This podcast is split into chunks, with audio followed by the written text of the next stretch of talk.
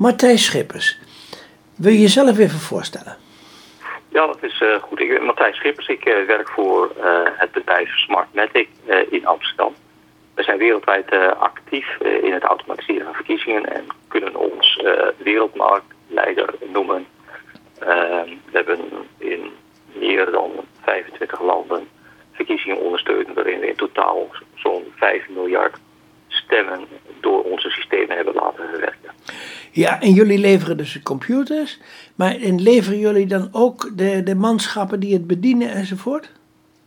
Uh, dat hangt af uh, van wat uh, een overheid wil. Hè. Vaak wil de overheid hebben dat dat door vrijwilligers plaatsvindt, maar dat ze dan wel een stukje technische ondersteuning in het veld nodig hebben.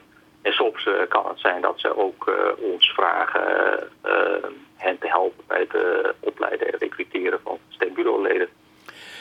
En goed, we hebben elkaar al een paar keer gesproken over de, de, over de stemcomputer. Uh, kun je daar misschien nog even heel kort even uitleggen wat, wat die stemprinter nou eigenlijk is? Ja, nou, dat is ook zo in de Verenigde Staten tot de inzet gekomen met de tijdens de laatste verkiezingen in november. maar dan in één specifieke state, in Californië. Ehm, dat zijn grote touchscreen systemen. Hè. het lijkt wel op een, op een hele grote tablet. Maar daar zitten dan allerlei voorzieningen in waarop de kiezer uh, een keuze kan maken op wie hij wil stemmen. En dat hij dat dan kan controleren.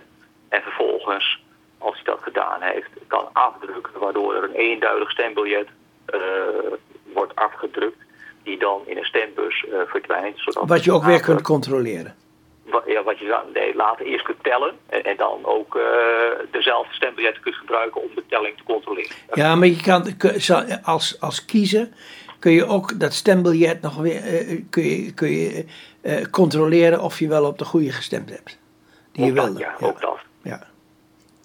En, en daarbij is eigenlijk zo van, je hebt de voordelen van de computertechniek. Het is niet aangesloten op internet of wat dan ook. Dus het kan niet beïnvloed worden van buiten. En er, is gewoon eenduidig een, een stembiljet, uh, zodat het ook weer nageteld kan worden. Dat klopt. En over dat natellen, daar wil ik het verder met jou over hebben. Want Trump die beweert maar voortdurend dat de verkiezingen oneerlijk zijn verlopen. En, en hij blijft maar aandringen op hertelling. Hoe gaat dat verder? Ja, het, is eigenlijk al begonnen met uh, dat in de aanloop naar de verkiezingen toe uh, we natuurlijk in een COVID-pandemie zitten en dat het heel lastig is om alle kiezers naar het stembureau, te krijgen. vervolgens is dat opgelost, dat hebben we hier in Nederland ook gedaan, door heel veel op briefstemmen in te zetten dus, en, en het bleek ook natuurlijk dat mensen daar massaal gebruik van hebben gemaakt. En op het moment dat je gaat briefstemmen, uh, ja, dan is het probleem dat uh, je als organiserende verkiezingsinstantie ja, niet onder alle omstandigheden kan aantonen dat alles eerlijk is verlopen. Immers een heel stuk van het stemproces onttrekt uit, uit, uit het zicht van uh, het toezicht van, uh, van, van stembureauleden. Hè? Maar heb jij, nou het idee, heb jij nou het idee dat in Amerika, dat daar met het uh, briefstemmen, zoals Trump beweert, dat daar heel veel mis is gegaan en, en dat hem, hem dat de verkiezingsoverwinning heeft gekost? Nou, dat, er met stem, briefstemmen altijd veel verkeerd gaat, dat, dat, dat is zo. Maar of dat nou bepalend is geweest voordat hij verloren heeft, dat denk ik niet. Hè? Want immers, als je kijkt naar de, naar de uitslag, dan heeft Joe Biden een ongeweldige hoeveelheid kiesmannen achter zich gekregen. En als je ook kijkt naar de absolute aantal stemmen, dan is dat verschil zo groot ja, je kunt dat je kunt moeilijk ja, laten we zeggen, aannemen dat dat allemaal naar één richting toe door het briefstemmen verkeerd is gegaan naar, naar, in het voordeel van, van John, Joe Biden. Dus, de, dus, we kunnen, dus, we kunnen, ja, dus we kunnen constateren dat Biden terecht president is, is geworden en dat Trump daar in principe niks aan, kan doen. Maar hij probeert er wel wat aan te doen. Ja, hij heeft, uh, hij heeft natuurlijk uh, direct na afloop van de verkiezingen continu met zijn advocaten allerlei uitslagen aangevochten. en dat doe je dan in eerste instantie bij de, de staten die de verkiezingen organiseren. En als die een klacht niet ontvankelijk verklaren, dan kun je dan naar de rechter gaan. Zo, zo, zo zijn. Uh, is, maar de, laten we dat maar even overslaan. Dat, dat verhaal, dat is algemeen bekend. Dat, dat, dat ze advocaat hebben ingeschakeld. En, en, en, goed, en dat, ja. dat hebben ze allemaal verloren. Maar nu is, er, nu is er één staat. En die, daar is een republikeinse gouverneur. En daar heeft hij het voor elkaar gekregen dat een commercieel bedrijf de stemmen natelt. Ja, dat klopt. Het is in de staat Arizona. En in de staat Arizona is dat in een specifieke county, county Maricopa. met als hoofdstad Phoenix. Phoenix, Arizona, ook toevallig de hoofdstad van de, van, de staat dat is van oudsher een, een, een, staat waar de Republikeinen de meerderheid hebben. Bij de vorige verkiezingen was het ook zo dat Trump het daar gewonnen had. alleen tijdens de afgelopen verkiezingen heeft hij met een mini-verschil verloren van Biden. dat verschil was 10.000 stemmen op de in totaal 3,4 miljoen uitgebrachte stemmen. we hebben nog steeds dus over we hebben het nog steeds over Arizona, hè? We hebben het steeds over, Mary, uh, voor, over Arizona. Ja? En in uh, Maricopa County, dat is, uh, laten we zeggen, zo groot als Noord- en Zuid-Holland.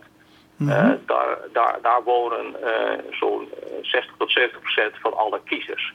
Dus dat is ook het, laten we zeggen, het belangrijkste deel van, van Arizona. En daar heeft de Senaat van, van van de staat Arizona, want iedere staat heeft een Eerste en Tweede Kamer daar, dus een Assembly en een Senate. Daar heeft het Senaat, ehm, wat eh, gedomineerd wordt door de Republikeinen, die hebben eh, bij de rechter afgedwongen dat ehm, de kiesraad van Maricopa eh, alle stembiljetten en alle machines waarmee de biljetten zijn geteld, ehm, afgegeven moesten worden aan een bedrijf die zij ingehuurd hebben. Uh, Cyber Ninjas heet dat bedrijf. Uh, zodat, uh, laten we zeggen, er zogenaamde audit zou kunnen plaatsvinden. Terwijl Maricopa County tevoren en na de verkiezingen alle verplichte en wettelijke verplichte audits en hertellingen, statistische hertellingen al hebben gedaan. Eh, en, en wat is de bedoeling hiervan? We moeten even kort zijn hoor. Wat is hier de bedoeling van? En kan Trump daar überhaupt nog iets mee? Nou, de, bedoeling daarvan is dat als, laten we zeggen, daar vol uit de audit blijkt dat hij daar alsnog gewonnen zou hebben.